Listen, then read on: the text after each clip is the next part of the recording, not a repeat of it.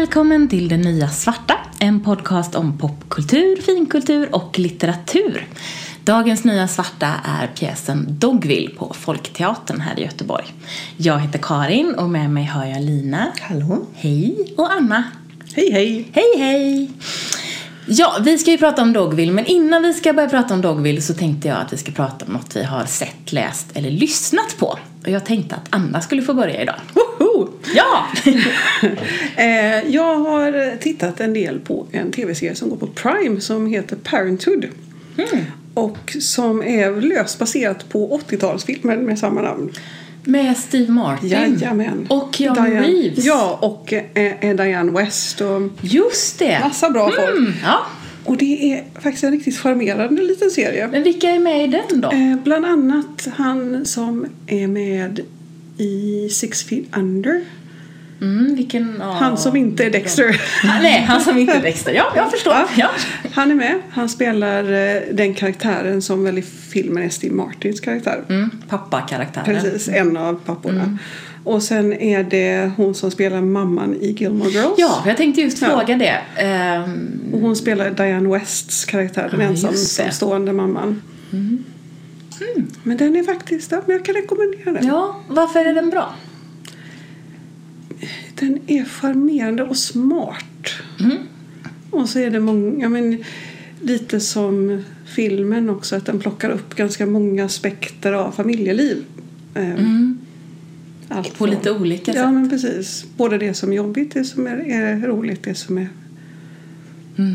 förväntningar och, och vad som egentligen händer. Spännande. Mm. Men jag har hört mycket om den serien, men jag har inte sett den. Mm. Ja, Jag kan rekommendera Ja, den. då ska jag, jag, ska, jag, ska jag göra som du säger, Det helt tycker jag. har du sett filmen, Lina? Nej, jag vet Nej. faktiskt inte vad vi pratar om överhuvudtaget. Är det så? säga. Ja, säg, vad var det för film nu igen? Parenthood med Steve Jag tror den kom 80. Ja, men är det den med alla barnen? Ja, De har ju 100 miljoner Och Keanu barn. Reeves är ju någon slags stoner-snubbe. Han är ju I den. ihop med Diane Wests dotter. Ja, precis. Eh, och, ja, men, och det, det är också, vad heter hon, Mary Steinbergen? Är det hon som är med? Jag tror hon är med som en av mammorna i Okej, filmen. hennes namn känner jag inte igen. Och det är de som har det barnet som så här, det besynnerliga barnet. He likes to butt things with his head. Ja, just det. Lauren Graham heter mamman i Gilmore Girls. Just precis. Skådespelaren heter Ja. det alltså. Ja. Men- ja. Då vet vi det. vi, det är också en väldigt, väldigt bra film.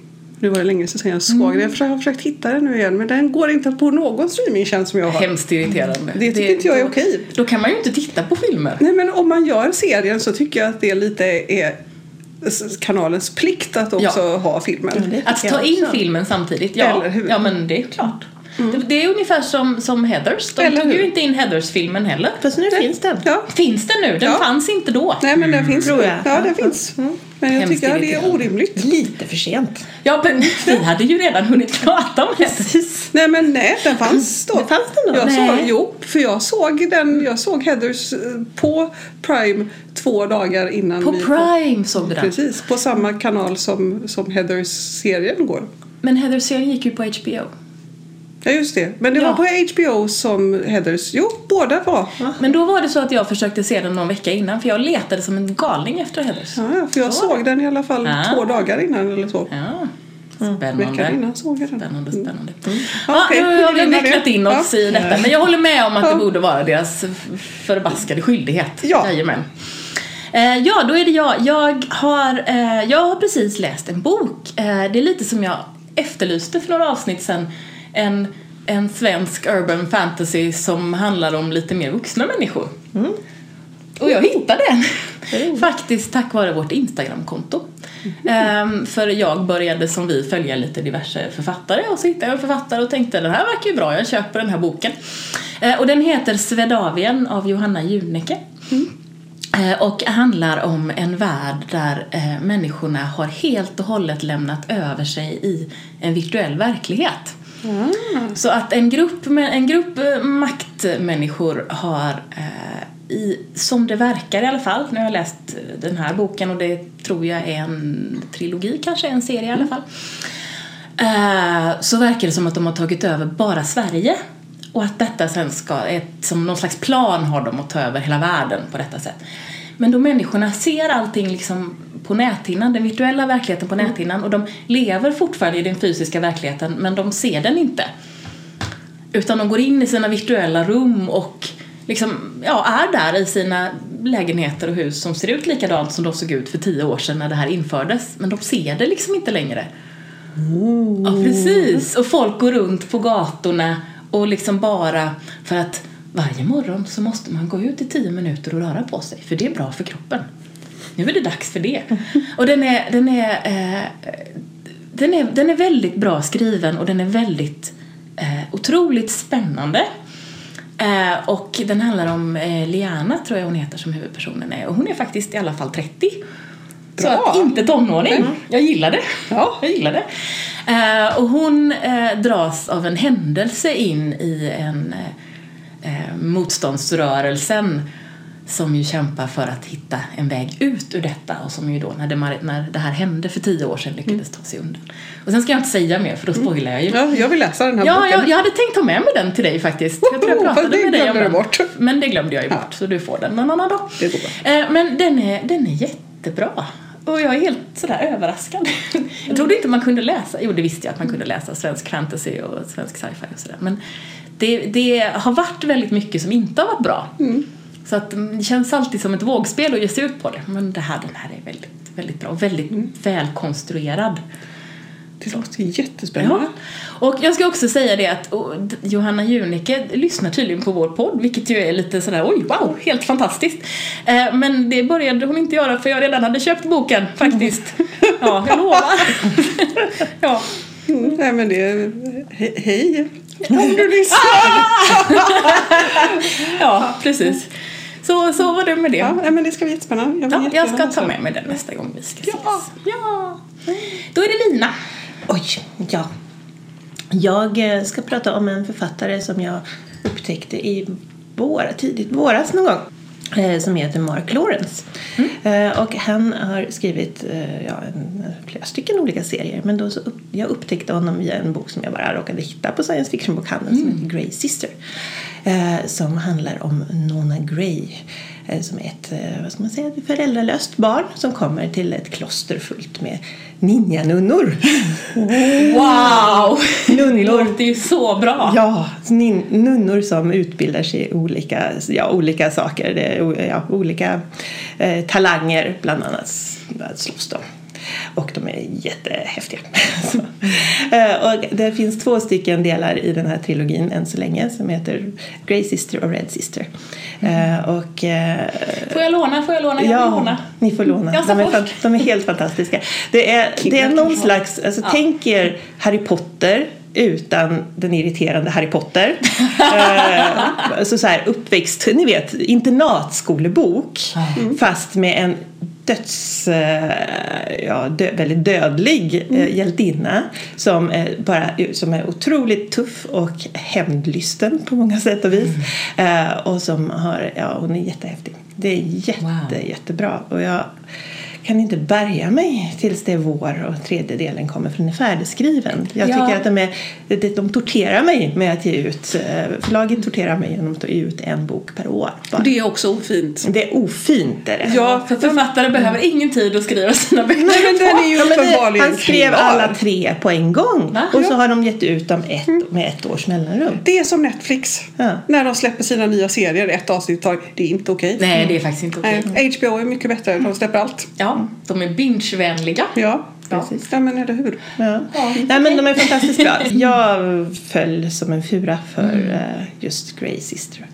Vad spännande. Det, låter, det låter ju jättebra. Ja, och Ja. de är liksom, ja, vad ska man säga, kompromisslös är hon. Ja, och väldigt mycket vänskap. Och då är det ju ja, mellan, olika, mellan tjejer, tjejerna i, den här, på det här klostret. Fantastisk. Och då finns det saker att läsa. Ja, resten av- jättemycket roliga saker att läsa. också. Åh, fantastiskt.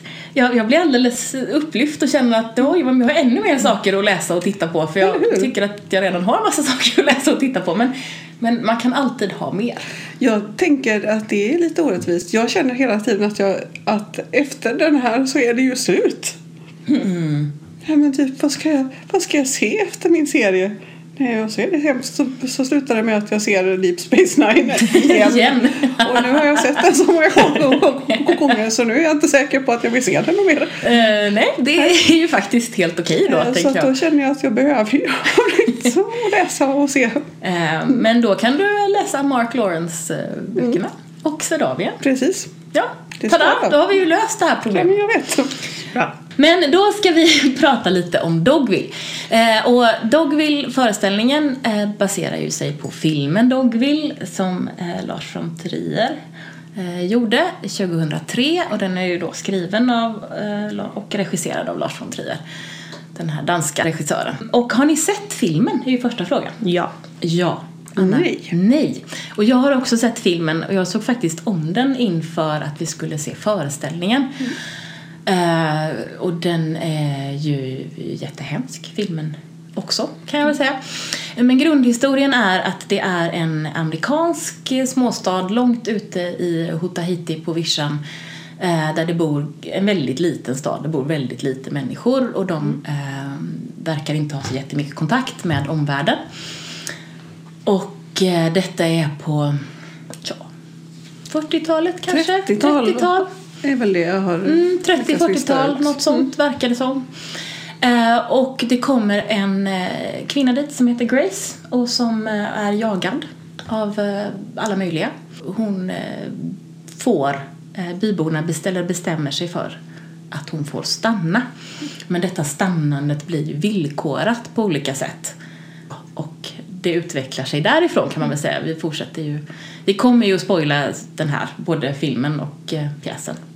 För det går inte att Nej. prata om det annars. Fullständigt Fullständigt spoilat kommer vi göra. Men det, det, bara, det blir bara värre och värre och det blir en... eh, Till slut blir hon någon slags märklig livegen för de här byborna och försöker bara göra, eh, göra dem till lags hela tiden och det blir mer och mer absurt kan man ju säga.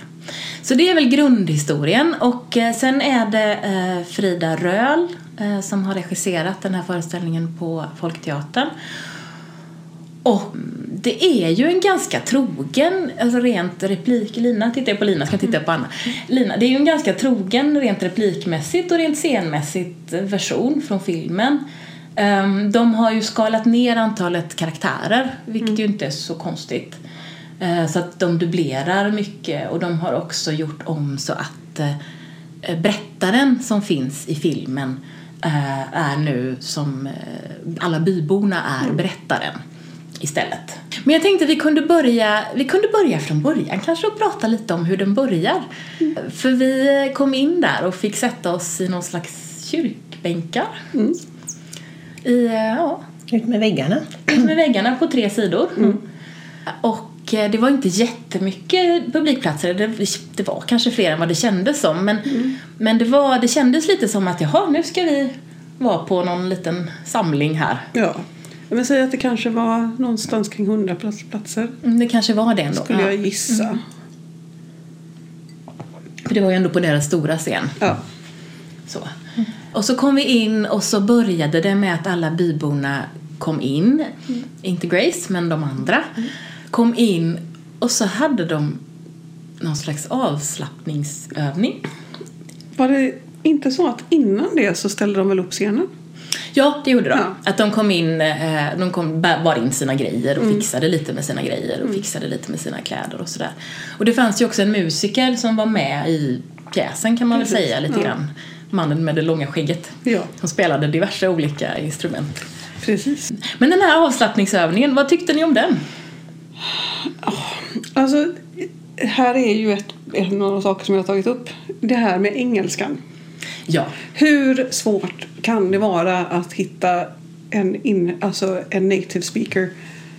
ja, Det var ja, det håller jag med dig om. För det var en människa, en svensk, som pratade bra engelska men inte amerikansk engelska. Nej, och framförallt... Vad ska jag säga? Inte, In- nej, men inte helt enkelt tillräckligt inte bra. bra nog. Och det, det störde mig så mycket så att jag hörde knappt vad de sa i den här Nej. avslappningsövningen. Nej, jag blev också väldigt irriterad.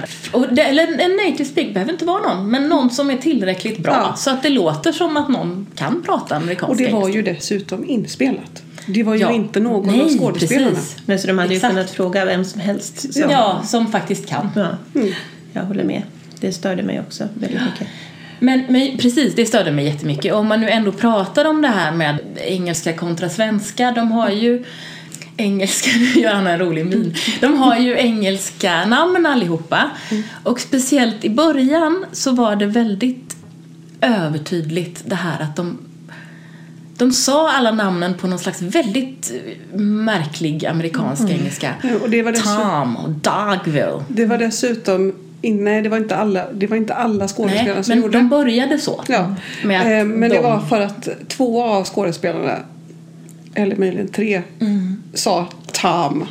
Det tog mig tills Ma... Vad heter hon? Mor. Mor Ginger. Ja, Ginger sa Tom. Mm. Så jag sa, jaha, det är Tom han heter, inte Tam eller vad? vad- Nej, vad de nu säger. Nej, det var jättekonstigt och det var inte alls konsekvent. Och jag eh, har väl en teori om att det var någon slags idé om att de skulle göra det i början och sen sluta successivt. Men för mig funkade inte det här. Nej men för mig, jag uppfattade det som att det, det var- var... åtminstone en skådespelare som gjorde det konsekvent genom hela pjäsen. Mm. Så jag uppfattade det mer som någonting som de Förbisett. inte hann fixa i regin. Ja. Att det, det Kanske. kände, ja, upplevde jag det som att det var en regimiss. De behövde en vecka till reptid. Liksom. Kan vara så. Ja, men jag trodde att det var en grej som Mm. de kanske inte hade riktigt lyckats få konsekvent. Men det, det störde mig jättemycket. Ja. Men det var en liten grej. Men jag vill gå tillbaka till den här eh, avslappningsövningen. Ja. För jag ville egentligen bara gå därifrån. För jag tycker väldigt illa om sånt där. Och speciellt sånt där när man liksom ska, det är någon slags mindfulness-grej. Och jag förstod inte vad den gjorde där. Nej, det gjorde inte jag heller. Den, de knyter ju tillbaka till den precis i Ja, slutet. det gör de. Eh, Ska vi Eh, säga. Eh, Och det då gör de. tänkte jag, jaha. Nu knyter de ihop det här de, igen. de hade kanske ett syfte med det här. Fast jag förstår, fort, jag förstår fortfarande inte vad syftet är. Men det är någon, någon som har tänkt något, tänkte jag. Lite sådär välvilligt. Någon har tänkt. Men det, här var, det, det var några grejer som väl var lite så. Ja, nu verkar de ha tänkt. Ja. Men golvet. Ja, För jag hade någon idé sen att eh, det vi såg av det där golvet, för det gick ju inte riktigt Nej. att se vad det var på golvet men det var ut på det. målat på golvet, Ja. förstod vi ju. Och när sen- vi tittade på så verkade det vara någon typ av grekiska statyer som var målade. det- Eller ja. möjligen så skulle det ha kunnat vara avbildningar av de små porslinsfigurerna. Mm. Möjligen. Svårt att veta.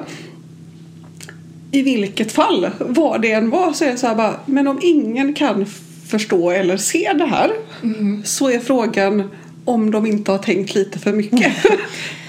Ja, precis. Vad ville du säga? Där ska vi också säga för, för er som har sett filmen men som inte har sett pjäsen. så Mm, det. filmen är ju väldigt speciell på det viset att Väldigt byn är speciell. Mm. uppritad på golvet med liksom eh, ritning helt enkelt. Ja, alltså Eh, filmens scenografi är ju extremt, alltså extremt teatral. Ja, det, är- man, det känns ju som att man tittar på filmad teater fast i vissa delar inte då. Men, men därför att det är, det är ju egentligen mer teatralt än vad den här scenografin var. Det var Den så här- jag tänkte när jag gick ifrån den här föreställningen. Jag tänkte filmen är mer som teater. Ja, jag, än vad teatern är. Än vad teatern är. För här, här, här antydde de ju Det var ju de olika jord. husen, ja, precis, med olika symboler då, som en jordhög och en ja, korg med, korgar med äpplen och sånt. Mm.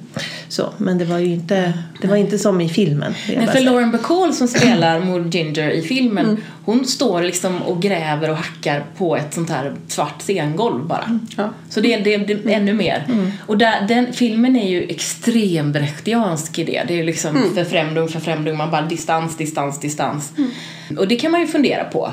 För att den här pjäsen hade ju också mycket sånt. Att Ja. den, det, var ju, det var ju väldigt ändå, trots allt, att, trots att den var mer verklighetstrogen än vad pjäsen, eller vad filmen var, förlåt.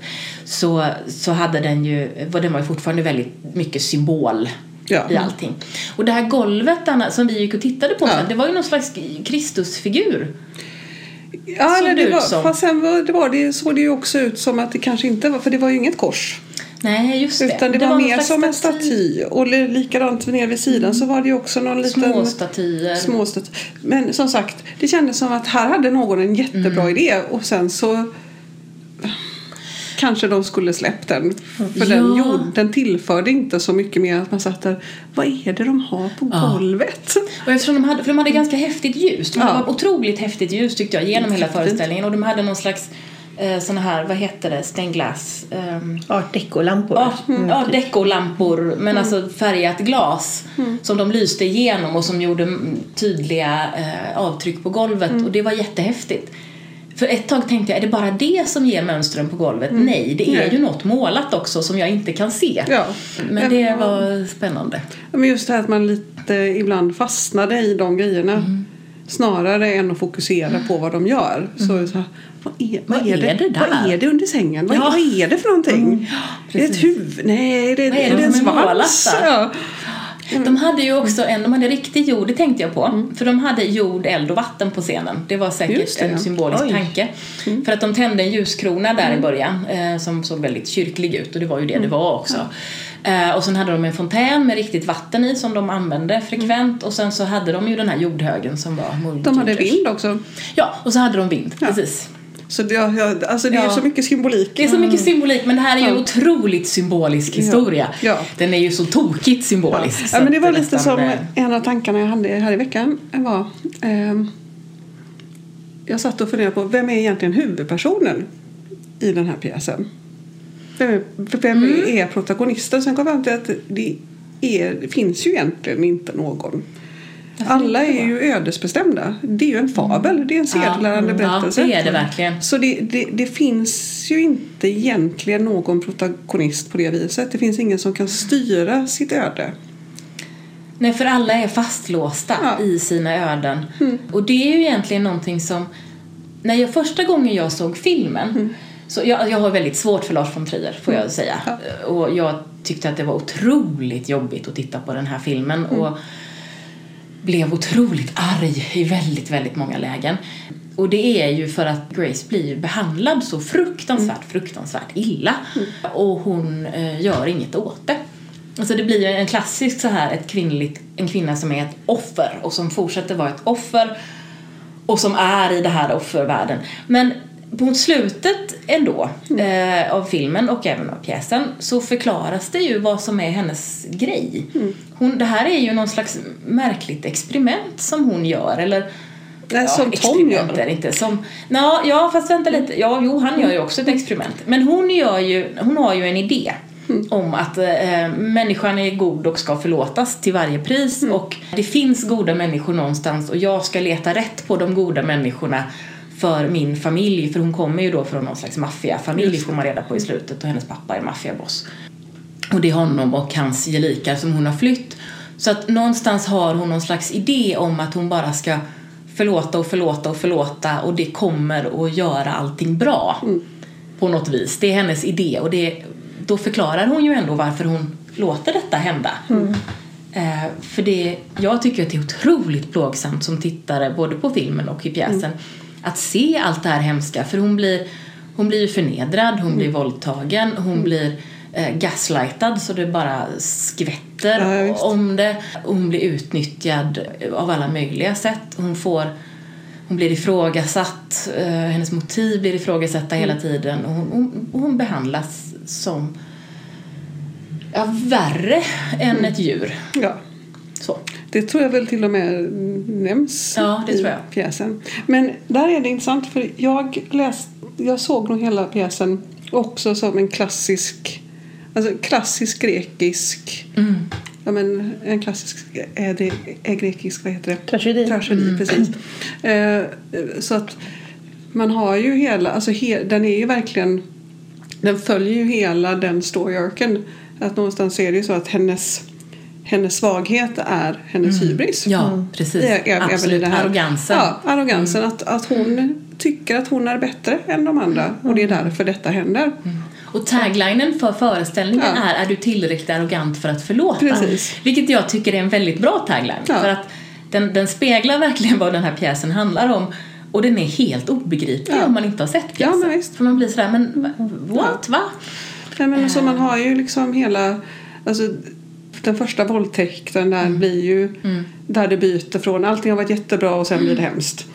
Eh, och sen, eh, så jag tyck, tyckte att på det viset så tycker jag att pjäsen eller manuskriptet säga, är helt briljant. Ja. Historien skulle man kunna byta ut till nästan vad som helst men själva upplägget Mm, du menar han grund. Ja, men han har gjort- grundstrukturen i Ja. historien? Ja, till och med-. Och att, Till och med pappan- att von Trier har gjort en, ett, ett väldigt bra hantverk i att skapa en klassisk grekisk pjäs. Sen gillade jag regin specifikt här för jag har förstått att i filmen till exempel så finns det ju inte den här så finns det en berättare. Ja. Men här hade man ju då även i stort sett plockat in ja, men en kör, korus, som berättar. Det blev mer grekiskt det Precis, det sättet. blev ännu mer grekiskt. Och jag gillade det.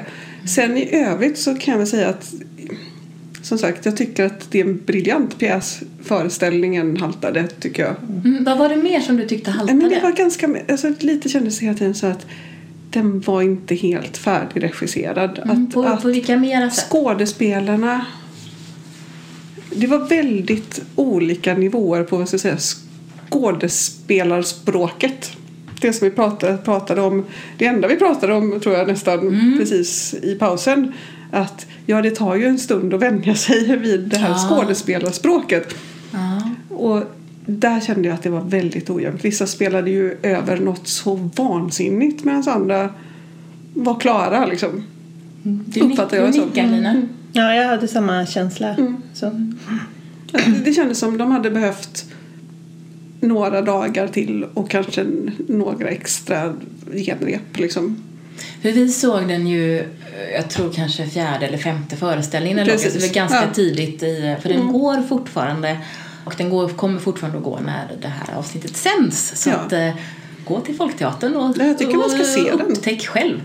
Eh, ja, det tycker jag också. Jag stördes inte lika mycket av skådespelarnas eh, språk och det tror jag handlar lite om att jag var kvar i filmen. Jag hade sett om den ganska nyligen, nyligen och den är ju så otroligt eh, distanserad så att jag kände att det här att på något sätt för mig så blev det ytterligare en dimension av den här förfrämdung och avståndet. Att skådespelarna var eh, ibland lite stiliserade nästan eh, schematiska i sitt uttryck. Och det störde faktiskt inte mig speciellt mycket. Jag kan tycka att, att musiken kanske var ibland lite lite haltade, integre, inte, haltande integrerad i alltihopa. Jag menar, han, ibland funkar det jättebra och musiken var väldigt väl integrerad. Ja, men ha, honom och hans roll och när han var på scen och han inte var på scen var lite haltande tyckte jag. Och sen, för vi har ju inte pratat om att nu kom ju Grace in i Ja, byn. just det. Så att om vi ska prata om, om Grace så tyckte jag att hon Dels så, så jag tyckte att hon, hon, hon hade väldigt mycket känsla och uttryck. Och eh, det är ju Nicole Kidman som spelar den rollen i filmen. Och eh, jag tycker att Nicole Kidman är en ganska kall skådespelare. Och det tycker jag passar i den här. Och den här skådespelaren är en mycket varmare skådespelare. Och det tyckte jag inte passade lika bra. Därför att jag tyckte det var helt obegripligt varför hon blev kär i Tom.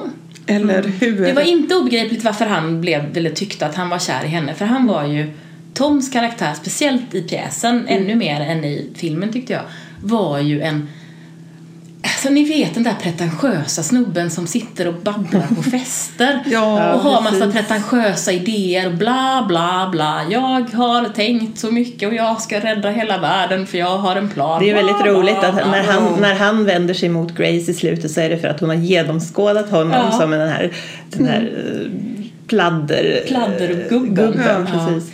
Men, men så att, att, han fick för sig att han var kär i den här mystiska vackra främlingen, Ja. helt rimligt. Ja. Sen har jag svårt att tro att den sortens karaktär är kapabel till kärlek, i alla fall i det väldigt distanserade förhållande som han befinner Mm. Men sig jag i. tänker i det här fallet så handlar det som sagt det är ju inte någon riktig kärlek för då vänder man inte på en Nej. femåring så fort Nej. är ute utan det är ju mer någon typ av Idé. Ja och så här kärlek by proxy liksom. Mm. Att man tycker att det är romantiskt att gå och ha bestämt sig för att den här, den här vackra främlingen är, Mm.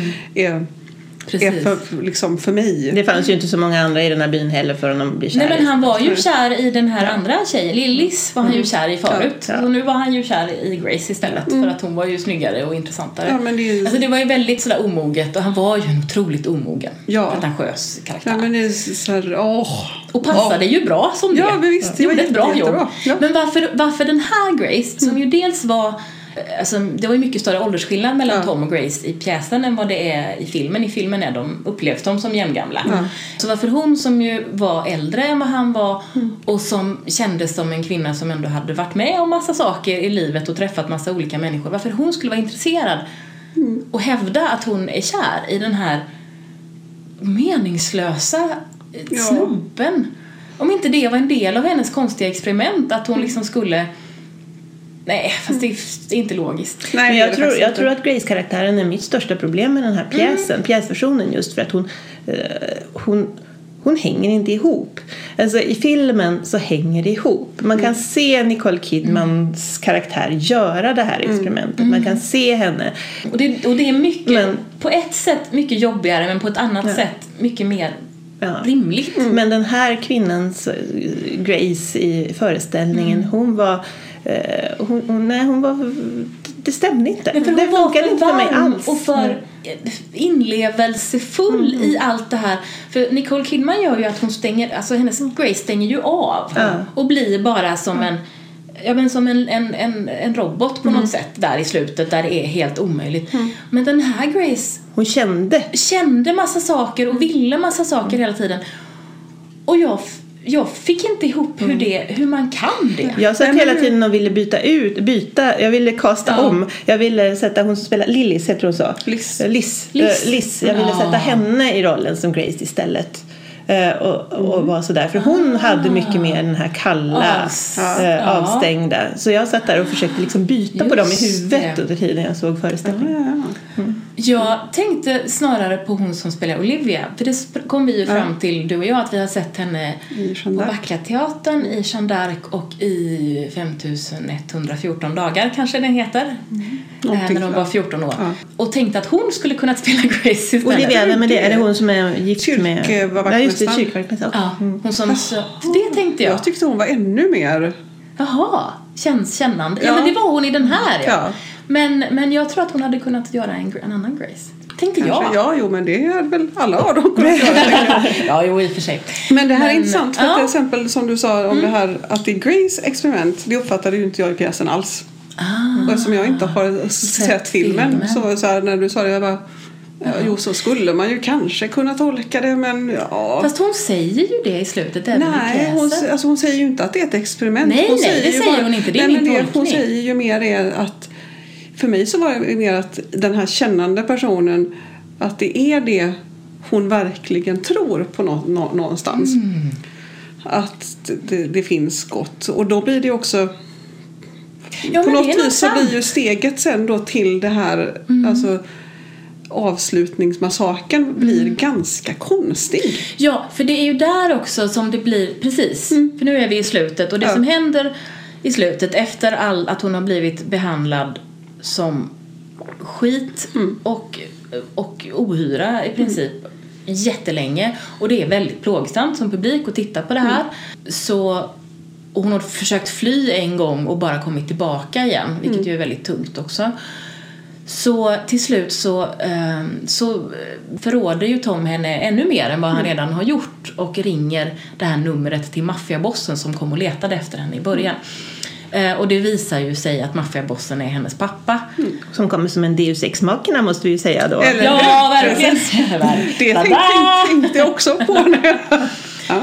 Och jag måste säga att den skådespelaren älskade jag i den rollen. ja, han var jättebra. Han var en liten, liten man med käpp, eh, rejält gammal. Mm, arg. eh, Och arg och jättemaffig.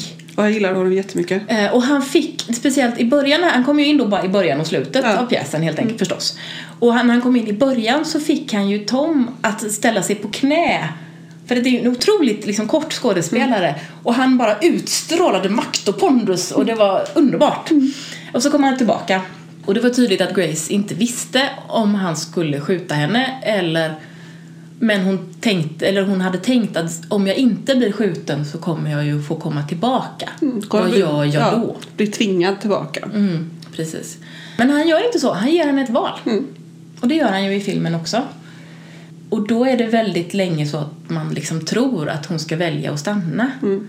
Men det gör hon inte. Och då, blir, då resulterar det i en massaker Mm. på alla byborna. Men det som är men det som blir så himla sjukt där, det är ju den här varma Grace. Mm. För det går inte att förstå tycker jag. Nej, för det var ju så här, på ett vis så var det väldigt skönt. För det blir ju Ja, den det- här katarsis. Det blir- ja. Oj, vad vad vi är bra, nu grekiska. så är alla döda gött. Liksom.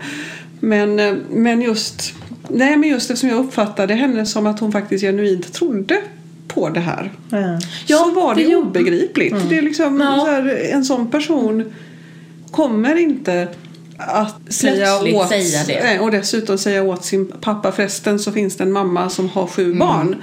Eh, döda barnen först. Och om hon kan låta bli att gråta så ge henne ett val. Kan hon låta bli att gråta så slutar För det. det har ju hon, som spe, eller hon, Vera, Ja. gjort med, mot Grace Ja. som en del i hela gaslighting, eh, misshandel cykeln att Grace hade köpt sju stycken eh, porslinsfigurer i affären med de få pengar hon hade och för henne blev det en symbol för att hon ändå, för man kan säga att första delen när Grace har kommit så är det ju allting är frid och fröjd och alla är så glada och det går så bra. Och det är så mysigt. Och de har det så mysigt och de springer runt, det är inte så lång bit men det är en Nej. bit där när de springer runt och är lyckliga och glada allihopa och tycker att det är världens bästa grej att Ja. Grace har kommit dit. Eh, och under där någonstans så börjar hon köpa de här och sen så lyckas hon köpa alla sju som finns.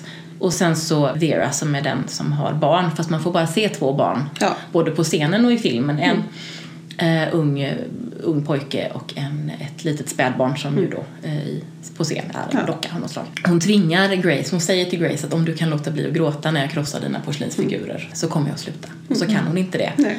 Och det, för det är då som liksom är första gången som Grace gråter. Ja. Det är då som gråten kommer. Och det där är ju så frukt, alltså det där är ju så fruktansvärt så det går inte att ta in. Mm. Även i filmen är det det. Men där känns det ändå som att det går att se händelseförloppet Ja. där Grace kommer dit, att hon säger det. Men här kändes det bara Nej, som det att blev jättekonstigt. Nej, men, du kan inte säga den repliken. Nej. Jag satt och tänkte det faktiskt, Ja. att hon kommer inte säga det. Hon kommer säga något annat. Mm, Jag funderade faktiskt också på det. Och jag satt och var lite ledsen i förväg för att hon inte skulle säga den repliken därför att det är den, min absoluta favoritreplik i filmen. Jag älskar den. Det är en Alltså, väldigt, väldigt bra replik. det är Ja, men underbart. Jag kan väl känna nu efter att ha sett den här föreställningen så är jag så här, jag vill, nu vill jag väldigt gärna se filmen. Som sagt, för att Gör det. För att den är jag jättejobbig, att det, men gör det. Ja, men för att jag tycker också att det är ett väldigt bra manus. Det, är, det är intressant. Alltså jag har ju legat vaken. Jag har ju vaknat så här klockan fyra och på typ morgnarna och bara eh, funderat på så här, okej vad behöver jag slå upp om aristoteliskt berättande? vad behöver jag slå upp om ja, men, Ja. är det bibliska referenser? Alltså det var också det här med alltså typ Handlar det om dödssynder? Handlar det om... Eh, sen var det också namnet Grace. Ja, precis. Allt, alla betydelser. Nåd. Som det, ja, nåd, men barmhärtighet. Men även det har ju många andra betydelser också. Alltså de, de, de tre graserna, alltså Toms inspiration. Men där tänkte jag också just på nåd, barmhärtighet. Att det blir ju... Det, Det finns Det- ingen nåd, är ju egentligen det. Nej men dessutom så är det ju i sin grund arrogant. Du måste ha ett ovanför perspektiv för att kunna visa nåd eller barmhärtighet. Om Och du är att- i det. Ja. Så, som ju hon ändå försöker Ja, göra. ja, hon precis. försöker ju visa det hela tiden. Ja. Det blir ju väldigt symboliskt alltihopa. Och då är det ju klart att, för jag, det var också en sån här eh, Chucks reaktion, så här, du visar mig ingen respekt. Det var också så här, bara, varifrån kom den i just den här föreställningen? Det kändes inte helt rimligt. Men däremot, Men han var en vekare karaktär tyckte jag. Alltså, Chuck Ja. blev en ganska vek karaktär vilket också gjorde att våldtäkten var... För han, det är han Ja. som begår den första våldtäkten mot Grace. Som, som jag tycker ändå att de hade gjort sceniskt bra. De gick in bakom kyrkbänkarna och de höll på alldeles för länge med Mm. skrik och hemska våldtäktsljud. Så det hade de gjort bra för att alltså, det är svårt att gestalta våldtäkt på scen. Men jag tyckte att hans karaktär blev för vek och jag tycker att Stellan Skarsgård i filmen är eh, inte, han är ju jag vet ganska typisk Stellan Skarsgård-karaktär egentligen. Han är ganska fåordig och ganska liksom butter men han är kraftfullare. Ja. Mycket kraftfullare. Vad säger du Lina? Nej, alltså, jag, jag vet inte. Jag tyckte nog ändå att... Chuck heter han så. Eh, Jag tycker nog ändå att han... Han är en av karaktärerna som ändå hänger ihop för mig, även i föreställningen. För att han är en sån här typisk kille som... eh, Ja, men han, han är en förövare. Och han säger vad som helst därför att han vill, eh, han vill ha sex han med vill. Grace. Liksom. Han, vill, han, vill, eh, liksom, han, han vill förnedra henne och han vill eh, eh, trakassera, sexuellt trakassera henne. Och han vill, han vill visa sin makt Han vill över henne. Jag sin tror att det är makt, framför allt det han vill. Mm. Så jag hade nog inget problem med just honom faktiskt. Nej men jag hade inte så, nej men jag hade mer problem med specifikt den repliken.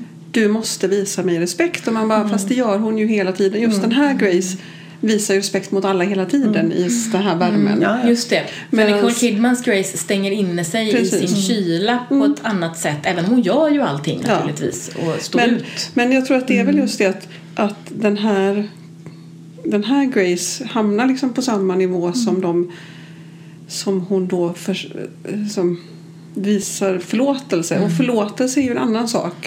För jag tänker att det som Nicole Kidman som jag tänker mig så är det så att hon visar barmhärtighet och nåd. Snarare än ren förlåtelse. Och det Ja, är inte speciellt respektfullt. Nej, eller inte nödvändigtvis. Nej. Och du behöver inte respektera någon för att visa dem nåd. Eller barmhärtighet.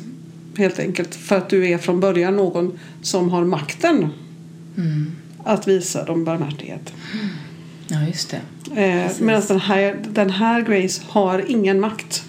Nej, precis. Den här Grace är väldigt liksom varm och mild och vill, vill, vill alla gott på Ja. något sätt. Vill alla väl. Eh, och det är klart att det blir ju jobbigare tycker jag att se henne i alla de här utsatta positionerna. Det blir smärtsammare. Men det blir inte logiskt i historien. Nej, och där känner jag väl kanske lite, nu är det väldigt länge sedan jag såg filmen Mm. eh, så jag minns inte hur jag reagerade på eh, pappa gangsterns eh, Mm. långa tal om att vara arrogant och så. Jag tyckte inte det hade, alltså, jag tyckte inte det hade någon bäring i den här föreställningen. Jag Nej, tyckte för inte att hon är var, hon är ingen arrogant. Nej, karaktär. Nej. Hon har inte det här högmodet. Nej. Så att därför så blev det liksom som att ja, men nu pratar han en massa draffel. Mm. Eh, så här, det här är en utsatt kvinna. Så kände jag. precis. Eh, så att, eh, och jag minns, jag minns inte det överhuvudtaget i filmen faktiskt. Jag minns inte om jag tyckte att det var logiskt heller. Jag minns bara den stora triumfen i slutet. Ja, nej men jag minns det. Förstås, för jag såg ju den här för inte så länge sedan. Och jag tyckte nog, jag tyckte att det var logiskt i filmen. Det var där jag fick min sådär, ja just det. Det, det är ju det här, det är nu det blir logiskt. Det är nu hela Grace karaktär blir logisk. För jag hade, speciellt första gången jag såg den, men även nu när jag såg om den, för det var så länge sedan jag såg den första gången. Så hade jag så himla, himla svårt för hennes karaktär. Jag bara tyckte, men vad... Och det är, för det är en av de sorters karaktärer jag står allra sämst ut med. Kvinnor som bara tar en massa skit och inte gör något åt det. Och sen om de kan, man kanske inte alltid har kraft och makt att göra något åt det, men som, inte, som, som bara tolererar. Ja. Eh, och, som, och som inte någon hjälper och liksom ingen, ingen ja, jag har jättesvårt för det. För mig blev det logiskt när pappan till slutet kom och höll den här du är arrogant för att du tror att alla kan vara goda och det kan finnas nåd och det kan finnas barmhärtighet och man kan så länge man vis, så länge man fortsätter att vända andra kinden till så kommer det så småningom att bli, bli bra. Det är arrogant av dig, säger han till henne. Och hon säger att han är arrogant och det är han. Ja. Så att jag, jag tyckte det var logiskt och jag håller med dig om att det inte passade här. Nej. Men jag reagerade inte så mycket på det för jag tror att jag hade så mycket av filmen i Ja, kroppen liksom och i den. Eh, spännande. ja, och jag måste prata lite om min relation till Lars von Trier. Ja, det måste vi prata om. Eh, För att jag, det här var ju den filmen som fick mig att förlåta Lars von Trier. Ah. Vilket är ju lite spännande. Ja. Eh, för jag hade sett i ganska unga år måste jag ha varit så såg jag den här fruktansvärda filmen Breaking the Ja, Waves. jag hatar Breaking the Waves. Ja, Har du som sett den? Är, Kanske. Som är kanske lite sam, egentligen är det väl samma tema för han har ju, det handlar om en kvinna vars man blir handikappad tror jag. Och för att eh, eh, få honom att må bra så Mm. utsätter hon sig för mer och mer, eh, ja, mer fler och fler övergrepp. Ja. För han vill att hon ska gå ut och ha sex med andra män. Och hon till- vill inte det. Hon vill inte det och till slut så skickar han henne till en oljerigg tror jag där hon blir gruppvåldtagen tills hon dör. Och då kan han börja gå igen. Så det handlar ju om det kvinnliga offret, den kvinnliga martyren. den är Eh, fruktansvärd. det är en fruktansvärd film och en fruktansvärt motbjudande makaber historia som gjorde att jag verkligen sa här, jag kan aldrig se en, mer, en film till av den här Ja, mannen. precis. Och jag hatade honom verkligen och jag hatade den filmen. Det är också Stellan Skarsgård och så är det Helena Bonham Carter. Nej, nej, det Nej, är Emily? Watson. Det? Emily Watson. Är det Emily Ja, Watson är den? Okej, förlåt. Jag hade... Och i alla fall, så, men så en jul tror jag det var så fastnade jag framför Dogville på tv och, och det här är nog en av de största filmupplevelserna i mitt liv faktiskt. Att jag blev så insugen i det här eh, just för att det var det här avskalade och Nicole Kidman gör en sån fantastisk rollprestation. Alltså verkligen, jag, jag, jag tycker att hon är underbar i den här rollen. Eh, och och jag satt där och tänkte, kommer den att sluta på samma På sätt samma som Breaking sätt, the ja. Waves så förlåter jag honom aldrig. Eh, men det gjorde den ju inte, för hon slår ju tillbaka i slutet. Till slut. Ja. Till slut, även om det är med hjälp av pappan och även om det är liksom. Alltså, och, men i filmen så är det, eh, så, så är det bara tillfredsställelse. Bara. Det är också det att i filmen så sitter hon i bilen. Och de pra- alltså de, pappan och Grace sitter i bilen i slutet och pratar om det här. Eh, och när hon väl bestämmer sig så gör han något tecken eller någonting och de fortsätter att sitta i bilen och man hör en massa skott. Så att det blir verkligen att där är man i deras bubbla. Och sen går hon ut och skjuter Tom. För att, eller Tom. Då då. Ja. Ehm, eller Tam eller vad vissa sa, det var jättemärkligt. Ja, För mig var det ingen, jag, var, jag gillade ju inte Dogville heller egentligen, filmen. Men jag tyckte, men jag gick med på den. Ja. Om ni förstår vad jag menar. Alltså jag, jag satt där och bara tänkte, för jag såg den också i eh, flera år efter att den hade gått på bio.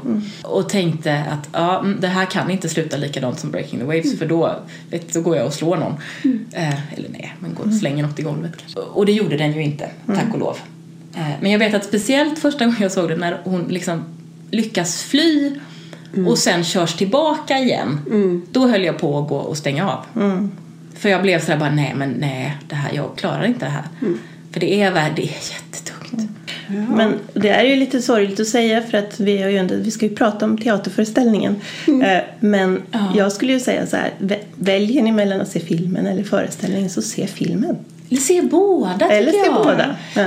Och sen vet jag ju säga det också att pjäsen har fått extremt bra kritik verkar det som. Ja. Så att vad vi tycker är vad vi tycker och vad andra tycker är vad andra tycker. Det är en otroligt stark upplevelse att se den här pjäsen. Och att jag tänkte på det på slutet. Det kändes fel att applådera. Ja. För att det, man har gått, men det har varit en sån extremt stark känslomässig resa i många timmar. Och sen ska man sitta där och applådera. Det, liksom, det Ja, kändes det som att man ville gå hem och tänka på mörka ting. ja. Men ni fick en sån stark känslomässig upplevelse av föreställningen alltså? Jag fick för det det. fick inte jag. Jag fick det bitvis. Okej. Inte hela vägen, men det var viss, vissa bitar utav det som jag tyckte var helt briljant. Eh, våldtäktsscenen, den första, tycker jag var en sån. Eh, just för att den var... De vågade hålla på För så länge. länge. liksom. Ja. Istället för... Väldigt ofta blir, de, blir det så här... Men, Tjup, tjup, tjup, och och, så så är det lite bekvämt. Mm, Och det här precis, var inte det var inte bekvämt. bekvämt. Och likadant på slutet när Vera bara står och skriker när hennes Mm. Precis. barn, man förstår att hennes barn skjuts. Ja. Och, och det är någon typ av primalskrik. Tyckte jag också var. Ja. Och sen faktiskt den här besynnerliga dansen som de avslutar med. Ja, den tyckte jag var Gillade så du? bra. Ja, att det var liksom att alla gjorde sin, sin grej. Fast Sin på någon typ av... sjuka, märkliga döds... Ja men det var också, det, där, det var ju en stiliserad Ja, det det. av deras arbeten. Det var det. Och det var väldigt, jag gillade det. De ringde klockor och krattade Och så- jorden och hade sig. Ja, jag tyckte det var... Var Och de föll liksom ihop runt Grace säng där Ja. sen. Nej, jag tyckte den var helt briljant också. Och det var andra som jag kanske inte kommer ihåg just nu, stycken där jag tyckte det var helt briljant. Så att ja, men jag fick en väldigt stark, men du fick inte det Lina. Nej. Men du fick Ja. ju den med filmen ja, så starkt. Alltså det är väl, ja, för det är det som är så lustigt när vi sitter här och tänker. Alltså, eller när jag sitter här och tänker och lyssnar på er så filmen är liksom skriven med eld i huvudet på mig medan jag måste verkligen anstränga mig för att komma ihåg föreställningen. Men alltså, jag, ja, jag gillade mycket, alltså, sådär, jag tyckte det var helt okej men jag var lite uttjatad i slutet. Nej, men, Ja. jag, Alltså, jag tror att för mig så var det så. Jag hamnar nog någonstans mitt emellan. För att den här föreställningen, som sagt, det fanns några bitar som var starka tycker jag. Men det var snarare själva manuset som berörde mig än, än den här föreställningen. Det är därför jag väldigt gärna nu vill se filmen. Ehm, och det är, ju, det är ju själva pjäsen som har fått mig att ligga vaken och fundera. Inte det, föreställningen. Inte föreställningen. Utan vad, vad är det det här betyder? Varför använder man det här språket? Är det, spelar det roll att, att von Trier inte är inhemsk engelskspråkig Ja. till exempel? Alltså, För att jag tänker till exempel att namnet Grace får kanske inte samma starka symboliska konnotationer om man är engelskspråkig i grunden. Nej, eller den- så Eller får så det du ännu det. mer. Ja, men det är precis. svårt att veta. För att, men jag tror att det, det, det finns vissa utav de här bitarna som, som kommer sig av att han, in, att han har skrivit en pjäs från början på engelska som inte är hans eget språk. Nej. Men eh, sen så tänker jag, det, alltså det är ju egentligen skitkonstigt att Lars von Trier som är dansk skriver en pjäs som handlar om liksom amerikanska små, en amerikansk småstad. Alltså det, det är ganska Ja. konstigt därför att det är ju en väldigt, och han skriver det väldigt mycket ut utifrån den amerikanska små, alltså myten om den amerikanska Ja. småstaden på något vis och den, den, han berättar liksom den väldigt amerikanska historien på Ja. ett sätt. Där läste, jag har ju läst mycket om den här pjäsen också, eller filmen då från början. Och det visar att när han skrev den här så hade han ju aldrig varit i USA. Nej, just det, det har jag Utan hört det här är ju också. första delen av USA mm. Är trilogin och kopplar mycket till att han tycker väldigt, väldigt illa om amerikansk kultur. Mm. Eh, Så vad var det? Det var den här och så är det Manderley och Dancing, Dancer in the dark. precis.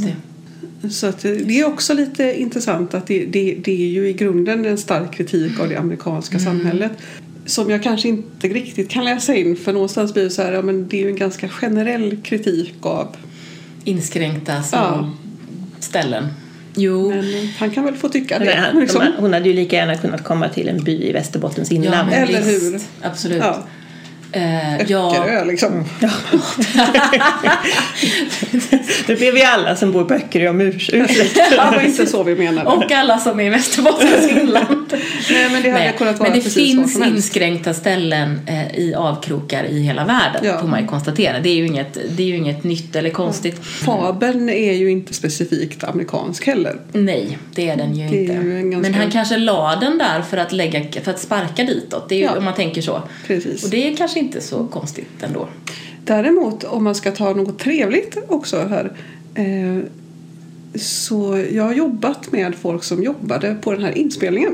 Jag har. Ja, även för den spelades in i Trollhättan, eller hur? Och jag har även varit och eh, filmat i den, i, i den lokalen. Jaha, och det var då jag träffade skoj. lite folk som berättade Ja. lite om inspelningen. Och det verkar ha varit en väldigt, väldigt bra inspelning. Mhm. Eh, och Lars von Trier verkar vara en mycket sympatisk regissör att jobba med. Mm, okej. Han var väldigt mån om att alla skulle äta middag tillsammans eh, oavsett status. Mm, okej. Ehm, och sen så fick jag höra att även Nicole Kidman visst hon hade gått ut och promenerat i Trollhättan en dag när hon inte filmade. Mm. Hade fått på sig varma stövlar, en jacka och en liten ryggsäck. Kom tillbaka gråtande för det var första gången på flera år som hon kunde gå runt själv utan att folk sprang efter och fotade och jagade henne. Vad skönt. Medan där var det mer så här, ja det kanske är Nicole Kidman. Ja, nej. Vi tittar lite precis, men, men man går ju inte fram till någon, det är ju oartigt. Jag känner ju inte henne. ja, Så det jag tycker bra. det lät som en väldigt, det var visst en väldigt fin inspelning. Ja, men det, det låter ju bra. Sen har ju, eh, nu får ni rätta mig om jag har fel, men det har ju kommit anklagelser mot, i alla fall mot eh, Triers filmbolag Centropa heter det va? Ja, en av producenterna. En av producenterna som har behandlat eh, kvinnor, om jag förstår, förstår det rätt, kommer jag ihåg det. illa. Ja. Eh, men inte Lars von Trier själv. Nej. Eller hur är Fast det? Björk, har väl, Björk och Ja. Lars von Trier har väl, kom väl inte väl särskilt Nej, väl överens. Dancer in the dark, ja just det. Men där, är, där, där var väl inte någon sexuell grej i alla fall. Det var väl, tror jag, mer, om jag har förstått det hela rätt, väldigt starka konstnärliga Ja, det kan man ju kanske tänka sig. liksom, svårigheter. Att de, de kunde inte komma överens. Och vad jag har förstått så blev det väldigt... Eh, det blev en väldigt dålig stämning om vi ska underdriva lite. Men eh, det var väl producenten framförallt. Mm, ja, som- precis. Hans partner typ. Ja. I, i central. Ja. Jag tänkte att vi kan inte prata om detta utan att nämna Nej. det i alla fall. Nej, för att vi jag vet om att det ser ut på det sättet. Men jag tänker den här, den här föreställningen då. Vi går, tillbaka till föreställningen. Ska vi prata lite om eh, kläderna? Ja, det kan kan vi vi göra. göra. Ja, det var ganska fult. Om Utveckla. Okej, jag... Den kändes lite så här lat. Okej, okay, utveckla ännu mer. Ja, men lite så här, ja men här har vi hittat lite i ett förråd. Och vi har... Sen var det någon klänning som var uppenbart nysydd i någon typ av lakan. Ja, den där gråa var det va? Grålila som Liz precis. hade. Ja. den var väldigt, Och sen den var det- föll jättefult för det Ja. var ett sånt där lakansväv. eh, Ja, och sen var det någon annan som var Mm. tydligt så här, ja men den här hittade vi i något kostymförråd. Mm. Kändes som Grace kostym var ju den enda som, Som var, som var jättebra Mm. tyckte jag. Eh, det jag gillade det- den också att den för från början så trodde man att det var en klänning. den var tvådelad ja. Jag Precis, såg så, det. så den kunde bli, hon kunde, Mm. vad ska man säga, vad heter det? Hon blev stökigare och stökigare Ja. i sitt uttryck. Liksom. Precis. Det var väldigt bra. Men, eh, och det var, det var inte mycket kostym jag var imponerad av. Nej, men Grace hade ju... Jag gillade skorna. Ja, men det, precis, det håller jag med om att de flesta skorna var bra. Mm. Grace hade ju en brun klänning, eh, eller ja, det var ju en tvådelad klänning, Ja. Mm. men det var ju en klänning som hade en sån här väldigt snygg tulpan, eh, inte tulpan, utan en sån där ut... Mermaid, eh, Mermaid-kjol, ja, 30-tals, eh, 30-tals mermaid-kjol som slutade strax under knäna Ja. tror jag. Den var otroligt fin. Och hon hade från början ett guldskärp också på sig Just som det. hon tog av sig och sådär. Det var bra att hon tog av sig för det, det, det var nog det jag inte gillade med Nej, kostymen. Den var framförallt för att det hängde, det hängde liksom lite snett och så Ja, lite konstigt konstigt.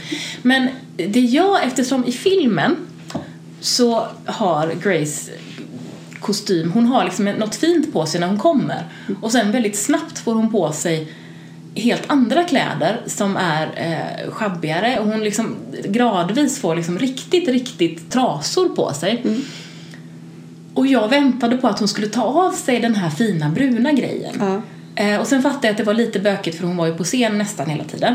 Men jag hade velat ha en större förvandling än att hon tar av sig sina smycken och sitt guldskärp och knyter om sin scarf.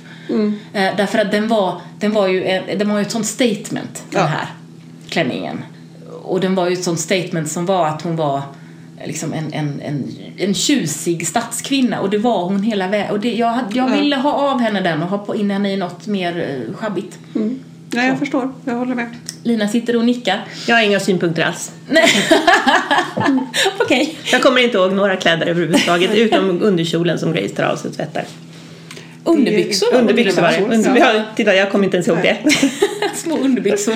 Som här små, små med spetskant som hon tar, tvättar i den lilla fontänen. Lax och rosa. Laxrosa, precis som hon Eh, mycket eh, men, eh, nej, men det var saker jag irriterade mig på. Vera har ett par jättefina skor.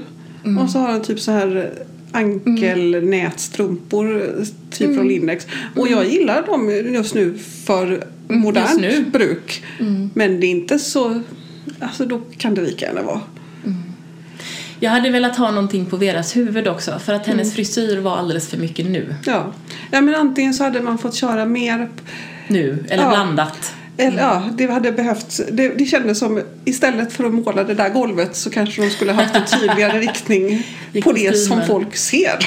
Ja, för golvet såg man ju typ inte. Nej. Eller, Nej, men det var väl lite som de där sakerna som var, åh vi har haft en idé och sen så, Mm. så hade de idéer om saker som kanske var lite meningslösa. Må hända.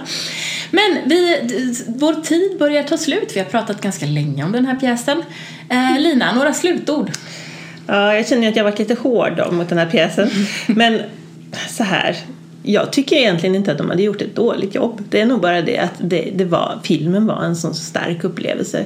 Mm. Och sen tänker jag också att det är inte ett, det är inte ett lätt projekt Nej. när man tar en film som är som den, en, den starkaste av teaterupplevelser mm. och ska göra om den till en teaterupplevelse mm. Mm. och man inte har de här vanliga, alltså egentligen inte kan använda sig av teaterns starkaste eh, verktyg därför att, förutom då att det är levande mm.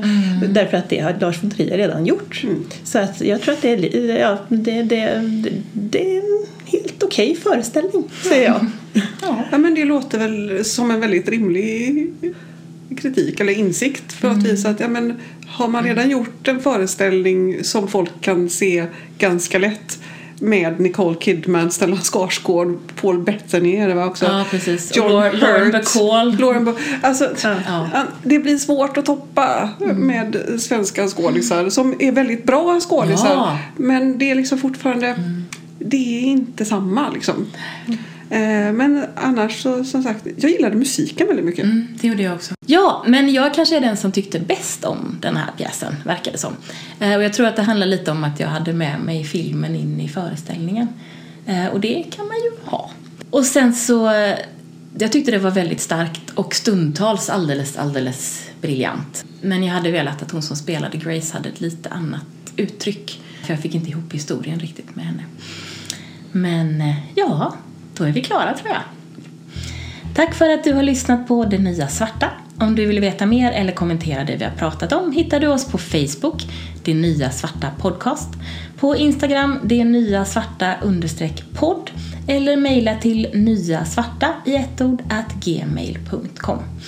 På vår hemsida kan du hitta länkar till det vi har pratat om och lyssna på fler avsnitt detnyasvarta.podbean.com Podbean stavas P-O-D-B-E-A-N. Du hittar också alla våra avsnitt på Apple Podcasts, det som förut hette iTunes, Google Podcasts och där poddar finns. Hej puss ses!